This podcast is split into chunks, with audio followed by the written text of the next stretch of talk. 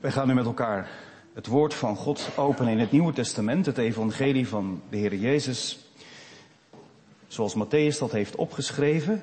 En we lezen met elkaar vanuit het vijftiende hoofdstuk, de versen 21 tot en met 31. Matthäus 15, vers 21 tot en met 31. En Jezus ging vandaar weg en vertrok naar het gebied van Tyrus en Sidon. En zie, een Canaanese vrouw die uit dat gebied kwam, riep naar hem, Heere, zoon van David, ontferm u over mij. Mijn dochter is ernstig door een demon bezeten. Maar hij antwoordde haar met geen woord. En zijn discipelen kwamen naar hem toe en vroegen hem, stuur haar weg, want ze roept ons na. Hij antwoordde en zei, ik ben alleen maar gezonden naar de verloren schapen van het huis van Israël. Maar zij kwam dichterbij, knielde voor hem neer en zei, Heere, help mij. Hij antwoordde echter en zei, het is niet behoorlijk het brood van de kinderen te, te nemen en naar de hondjes te werpen. Zij zei, ja, heren, maar de hondjes eten ook van de kruimels die er vallen van de tafel van hun bezitter. Toen antwoordde Jezus en zei tegen haar, O vrouw, groot is uw geloof. Het zal gebeuren zoals u wilt. En haar dochter was vanaf dat moment gezond. En Jezus vertrok vandaar en kwam bij de zee van Galilea. En hij klom de berg op en ging daar zitten. En er kwam een grote menigte naar hem toe en zij hadden kreupelen, blinden, mensen die niet konden spreken en verlamden bij zich en vele anderen. En zij legden ze voor de voeten van Jezus en hij genas hen. Zodat de menigte zich verwonderde toen zij zagen dat zij die niet hadden kunnen spreken, konden spreken. De verlamden gezond waren, de kreupelen konden lopen en de blinden konden zien. En zij verheerlijkte, zij verheerlijkte de God van Israël. Tot zover de lezing van het evangelie. De tekst voor de verkondiging zijn de versen 21 tot en met 28 van Matthäus 15. We lezen die niet meer opnieuw. Ik hoop de kern daarvan door te geven en we gaan de versen één voor één langs. De doopkaart is dat samengevat in die paar woordjes uit de mond van Jezus. Ook mooi om aan Emmeren straks nog mee te geven. De woorden van Jezus die verder kijkt dan wie dan ook, die kijkt naar het hart en zegt, groot is uw geloof. Matthäus 15, vers 21 tot en met 28. En het thema van de preek is, Jezus laat ons zien dat geloven een zaak van het hart is. Jezus laat ons zien dat geloven een zaak van het hart is. Geliefde gemeente, jong en oud. Misschien dat er wel iemand is die zegt, is dat nou een passend thema bij deze overbekende geschiedenis, waarin een dochter gezond wordt, waarin een moeder zo bezorgd is over haar kind en zich zo machteloos voelt in zichzelf en daarom gaat naar Jezus? Was het niet beter geweest om te spreken over een thema als een bezorgde moeder komt bij Jezus? Of een kind dat bezeten was, is genezen? Ik denk het niet en ik hoop dat u aan het einde van de preek begrijpt waarom. Laat ik dit alvast vooraf zeggen, dat in de evangelie de wonderen die Jezus doet, zijn beschreven om ons te laten zien wie Hij is. Zoals aan het einde, in vers 31 we gelezen hebben. Dat mensen die zien wat Hij doet, niet in het wonder zelf blijven steken, maar de God van Israël gaan verheerlijken. Waarom? Omdat zichtbaar wordt in wat Jezus doet, Hij is het. Hij is de redder. Hij is de middelaar. Die kwam om God en mens te verzoenen. Het valt ook op, hè? Dat meisje krijgt geen naam. Ze is er niet bij. De vrouw zelf zegt in eerste instantie help mij, maar de nood van moeder is de nood van het kind. En dan terloops helemaal aan het eind Even een opmerking, op datzelfde moment werd die dochter gezond. De focus, zeggen wij vandaag in onze eigen taal, ligt niet per se bij de genezing, maar bij wat Jezus wil laten zien in hoe hij omgaat met deze vrouw uit het buitenland. Kunnen zijn discipelen leren wat nou een echt oprecht geloof is. Dat zit allereerst van binnen in je hart. Ja, als we deze geschiedenis lezen, gemeente, dan valt meteen op dat Matthäus in vers 21 een bepaalde nadruk legt. Jezus ging vandaar weg, ja, en vertrok. Ja, dat doe je meestal als je weggaat, dan vertrek je. Maar die dubbelheid laat meteen de spanning voelen van het gedeelte wat eraan vooraf gaat met het vertrek van Jezus. Even terug naar het einde van hoofdstuk 14, dan lezen we dat de Heer Jezus allerlei zieke mensen geneest. Mensen die niet konden lopen, konden gaan staan en lopen. Mensen die stom waren, kregen weer de gave van het spreken. Mensen die, ja, werden massaal door Jezus genezen. Eigenlijk ging er voor al die Joodse mensen in vervulling waarvan Jezaja in hoofdstuk 35 al had geprofeteerd. Namelijk dat de tong van de stomme zou worden losgemaakt en dat de kreupelen zou springen als een hert. Een duidelijke identificatie. De man die dit doet, dat is nog nooit voorgekomen in Israël. Dit moet hem zijn. De beloofde redder. En wat gebeurt er dan aan het begin van hoofdstuk 15? We hebben dat niet gelezen, maar ik parafraseer het even voor u. Ik vat het even samen. Dan komen er enige schriftgeleerden en fariseeën uit Jeruzalem bij Jezus. En wat doen ze? Vallen ze in aanbidding voor zijn voeten? Prijzen ze zijn naam? Erkennen ze hem als de zoon van David? Eindelijk de langgerekte belofte van God vervuld. God bezoekt ons. Nee, ze komen naar Jezus toe. Terwijl die massa mensen genezen is en ze zeggen, waarom overtreden uw discipelen de inzettingen van de oude? Want ze wassen hun handen niet als ze brood gaan eten. Dat is ook belangrijk.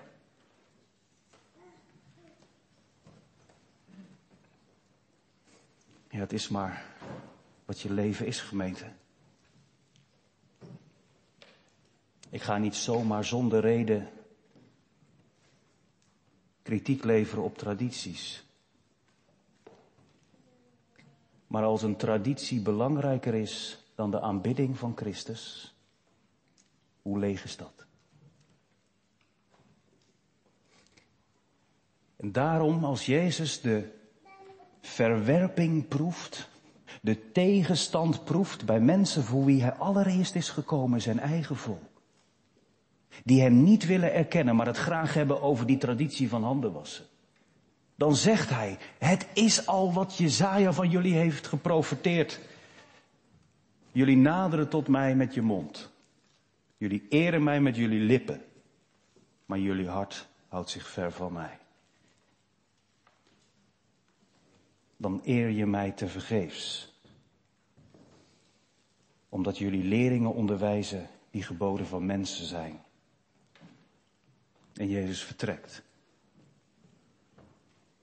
Hij gaat naar het noorden en neemt zijn discipelen mee naar het gebied van Tyrus en Sidon. Als je dat vandaag zou moeten vertalen naar ons land, van had je Bijbelbelt naar Rotterdam. En dan echt ook centrum Rotterdam, Rotterdam-Zuid.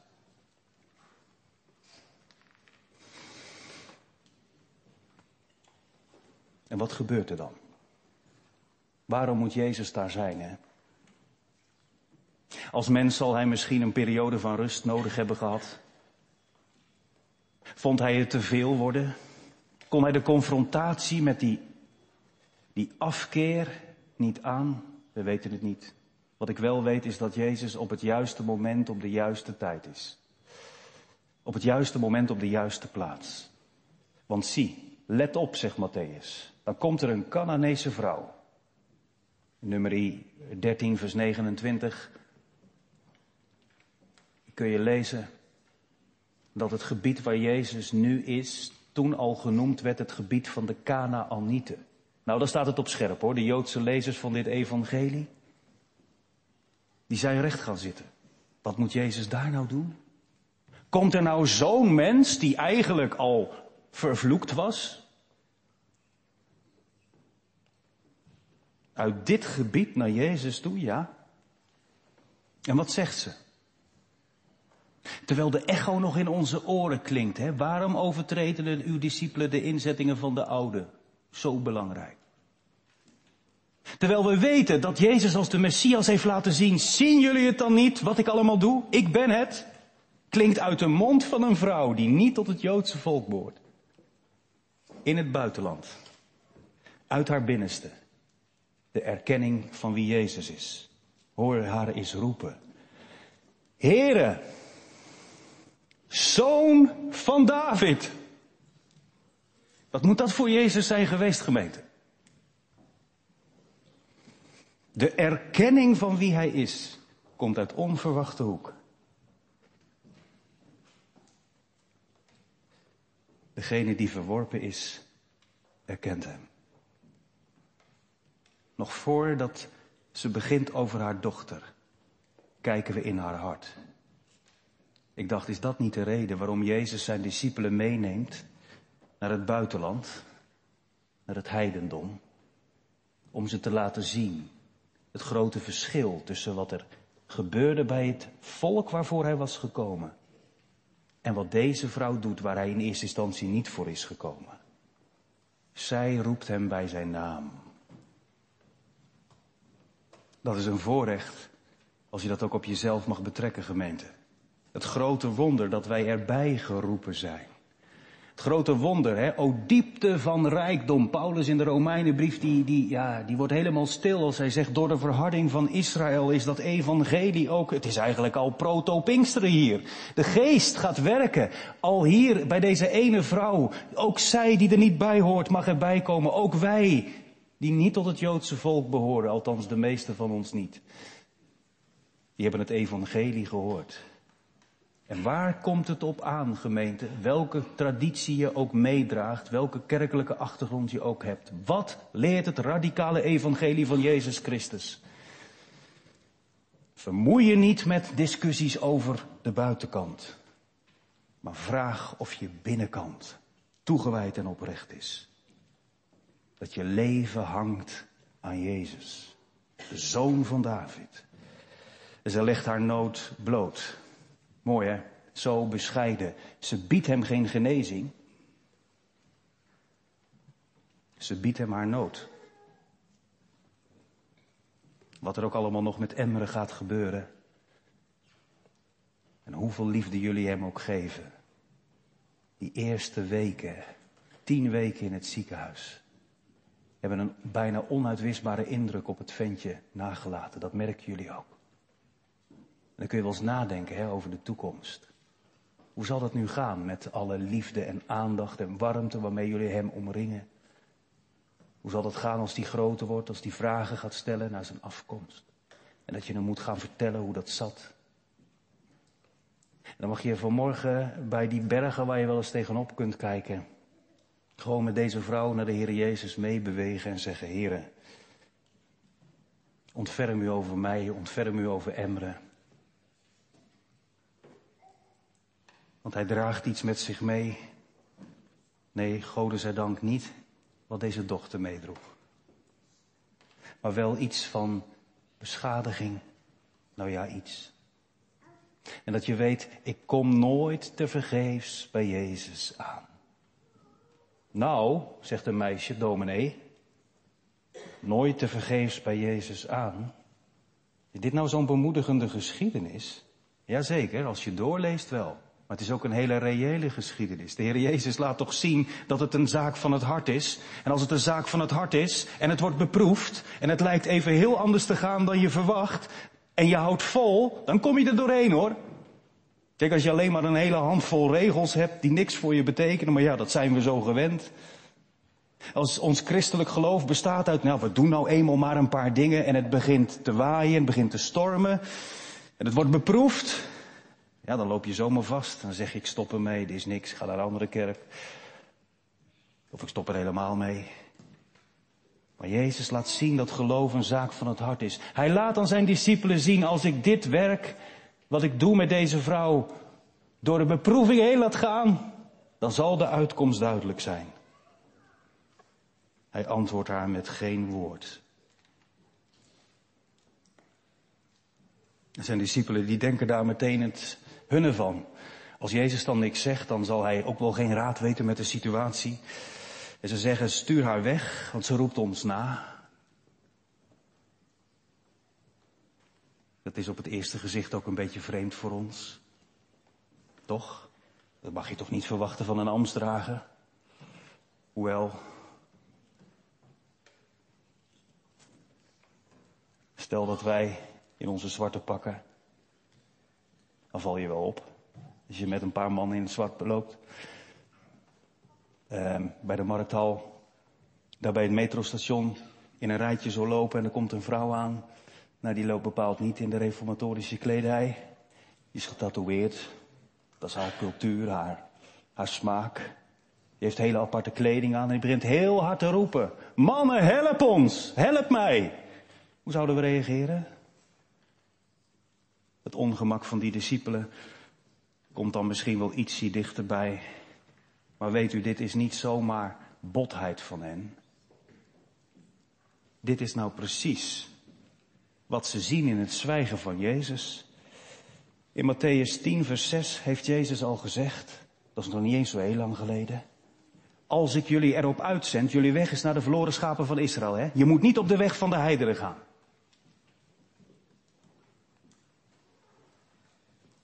En als Jezus zwijgt, denken zij, ja, inderdaad, dat heeft hij zelf gezegd. Dit komt niet uit, dit is niet onze missie. We verdoen hier onze tijd. Ze roept ons na. Laten we toch doorgaan. Maar wat zegt Jezus dan?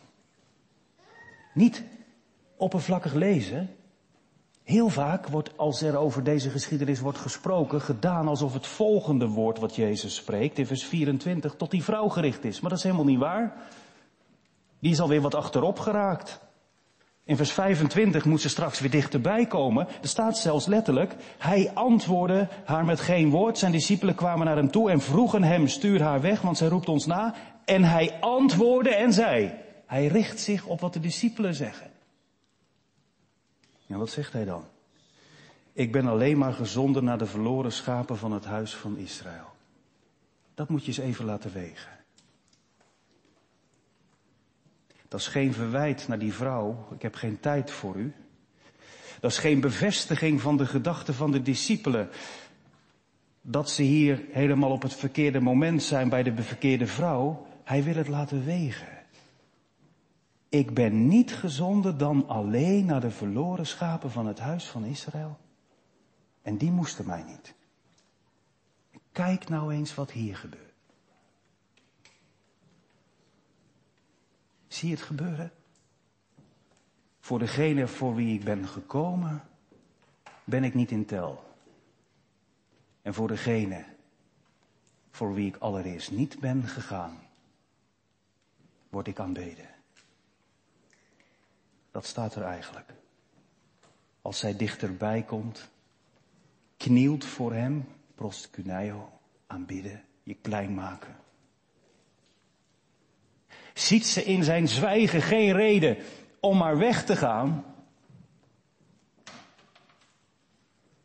Maar ziet ze in zijn zwijgen een aanmoediging om door te zetten.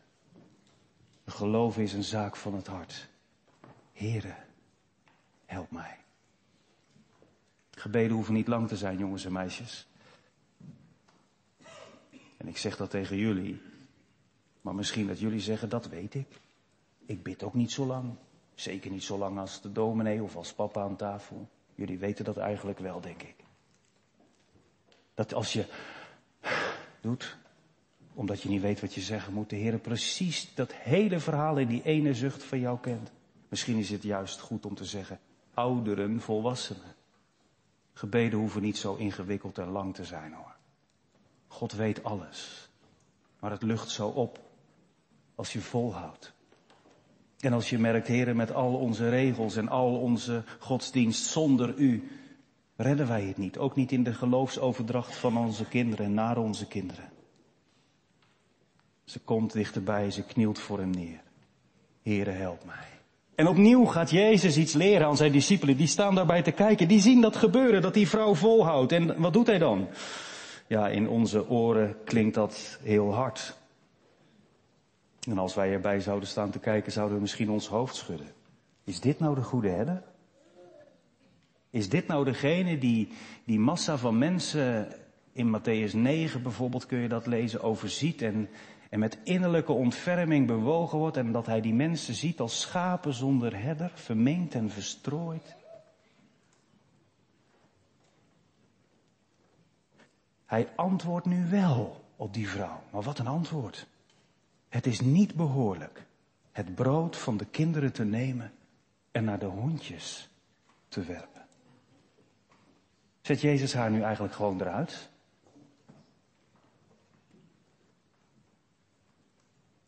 Een hond was onrein. Nou, er wordt trouwens wel verschil gemaakt ook in het Jodendom. Er waren ook honden die wel in huis mochten komen, die opgroeiden met het gezin mee, die erbij waren aan tafel. Het blijft een beetje een ongemakkelijk beeld, hè, maar des te meer gaat het evangelie klinken. Als Jezus zegt, het is niet behoorlijk het brood van de kinderen te nemen en naar de hondjes te werpen, dan bedoelt hij niet dat die vrouw er niet bij hoort. Hij wijst haar niet af. Hij wijst haar haar plaats. Eerst mijn volk. En dan de heidenen. En wat zegt die vrouw dan? Gaat ze een advocaat halen? Voelt ze zich gediscrimineerd? Geeft ze het op? Nee. Ze zegt ja maar. Heel vaak hoor je vanaf de kansel en zeggen we tegen elkaar in de kerk. Ja maar dat is ongeloof. Ja dat kan.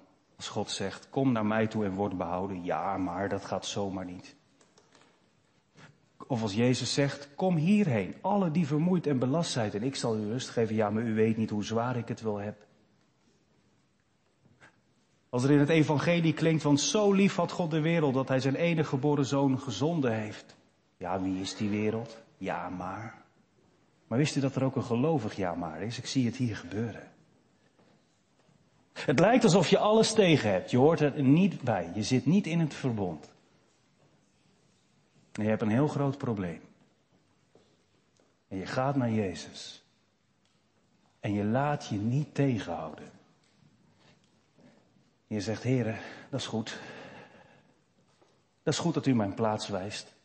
Maar uh, ik zie nog steeds de kruimels.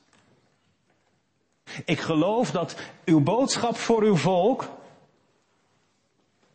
zoveel is dat er altijd wel wat voor mij overschiet. De kruimeltjes die vallen van de tafel van hun bezitter. Nou, gaat vlot, hè, gemeente, in het laatste vers al. Maar ga niet te snel. Als je hier nou als pleegvader en pleegmoeder zit en je weet hoe het jullie gebed was om ook het kind van een ander die geen zorg kreeg te mogen gaan verzorgen. En je legt deze, geschiedenis nu eens naast je leven. Jullie zijn net zo heidens als Emre. En jullie hebben het net zo min verdiend als hij. Maar juist daarom toch, toen Jezus Curios in jullie leven werd. Hoe vaak is het al niet gebleken dat hij je er doorheen hielp? Dat niet alleen je zonden vergeven zijn door de kracht van zijn bloed, maar dat hij ook de wijsheid en, de, en het geduld en de trouw van Hem als een afdruk heeft gegeven om kinderen op te voeden. En als het dan bestreden wordt, hè, of je loopt soms tegen een dichte deur aan en je denkt, Heere, waar is het? Uw belofte hangt in de mist. Dat je weet, de overvloed die God beloofd had voor Israël is er zeker. Maar dat is zo overvloedig dat ik van alles wat er overschoot in al die achterliggende jaren dat het evangelie gepreekt is, ik zoveel heb waar ik genoeg aan heb, dat ik het ook mag doorgeven. Ook aan Emre.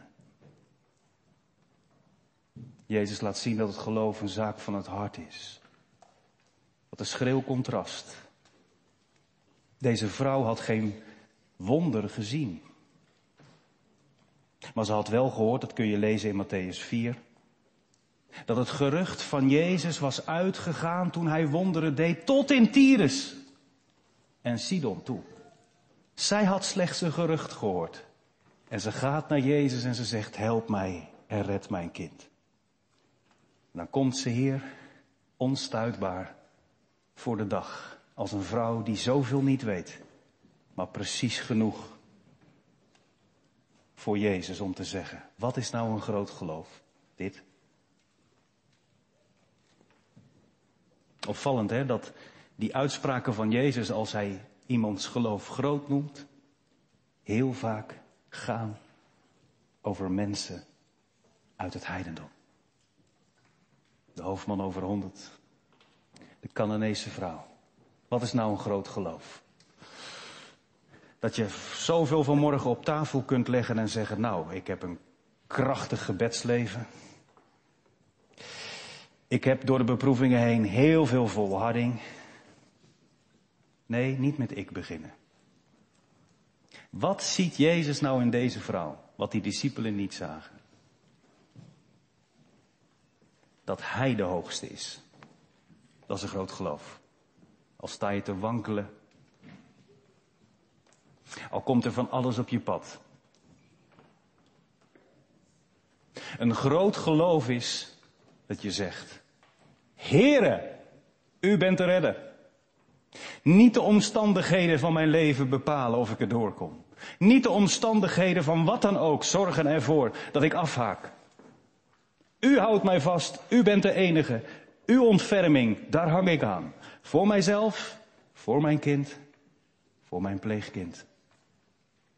Voor de gemeente. Dat is het hart van de zaak vanmorgen. Dat geloven een zaak van het hart is. Zo heel terloops wordt het dan nog even vermeld. En haar dochter was vanaf dat moment gezond. Dat is wat er staat, hè? Het gaat hier over dat deze vrouw gelooft dat Jezus de redder is die voor Israël zou komen. Dat deze vrouw gelooft dat dat haar niet uitsluit. En dat deze vrouw gelooft dat Jezus haar dochter beter kan maken. Die drie dingen. Dat is wat er staat. Wat er verder in haar hart heeft gezeten. Aan allerlei gereformeerde elementen of zo. Die hoeven wij er niet aan toe te voegen, toch? Dan laten we de Bijbel buik spreken. Deze vrouw die heel weinig wist, uit een totaal andere cultuur kwam. Die hing aan Jezus. En haar dochter werd gezond. En hoe loopt het dan af? We hebben doorgelezen tot vers 31. Hè, als Jezus haar verlaat en zij inmiddels bij haar dochter is teruggekeerd, komt Jezus bij de zee van Galilea en hij gaat daar op een berg zitten. Dan komt een grote menigte opnieuw naar hem toe. In Marcus kun je lezen dat dat het gebied is van Decapolis, dus voornamelijk heidenen. Zei proto-Pinksteren. Je leest het tussen de regels door, maar het evangelie gaat uit naar alle mensen. Ook zij die kreupel en blind zijn, zullen horen wie Jezus is en ze zullen het ook merken aan hun lichaam. Zodat de menigte zich verwondert. Ze zien het. En dan zeggen ze niet, moet je dat nou zien? Die man kon gisteren niet lopen en nou huppelt hij. Dat is ook apart. Die vrouw heeft nooit kunnen spreken en, je ziet die mond bewegen en je hoort klanken. Dat is ook bijzonder. Zullen ze vast gezegd hebben. Maar Matthäus geeft dit mee. Wat was de kern van de reactie van de mensen daar? Dat degene die nog niet bij het volk van God behoorden, degene waarvoor Jezus en de discipelen allereerst niet waren gekomen, de God van Israël verheerlijken, is dat niet ook de reden waarom deze geschiedenis past bij de doopdienst van Emre? Als ik zie dat jullie en hij, hij en wij, in het genade van verbond van God zijn opgenomen. Doordat jij kwam met een redder. Een redder die onvoorwaardelijk om zich heen blikte. Een redder die je niet de maat neemt op grond van je prestaties, maar die naar je hart kijkt. Dat ontroert mij juist als het gaat over kleine kinderen. Wat een lessen. Natuurlijk, iemand die cynisch is, die zegt, ja, dat hebben jullie er allemaal in gepompt. Toch, hoe kan die anders zingen? Lees je Bijbel, bid elke dag. Hoe kon die anders uit zijn hoofd, Psalm 87, vers 3 en 4, heel nadrukkelijk, articulerend meezingen? Dat hebben jullie hem geleerd. Maar de glimlach erbij en de ontvankelijkheid waarmee dit kleine mannetje deze dingen al mag kennen. Het was er van hem terechtgekomen als jullie niet op zijn pad waren gebracht. Wat een preek op zich. Dat met water bedekt hoofd wijst heen naar een redding door het bloed van Jezus. En een ieder die met zijn kind of het kind van een ander tot hem gaat, mag weten, hij kwam bij ons, heel gewoon, om te dienen. Amen.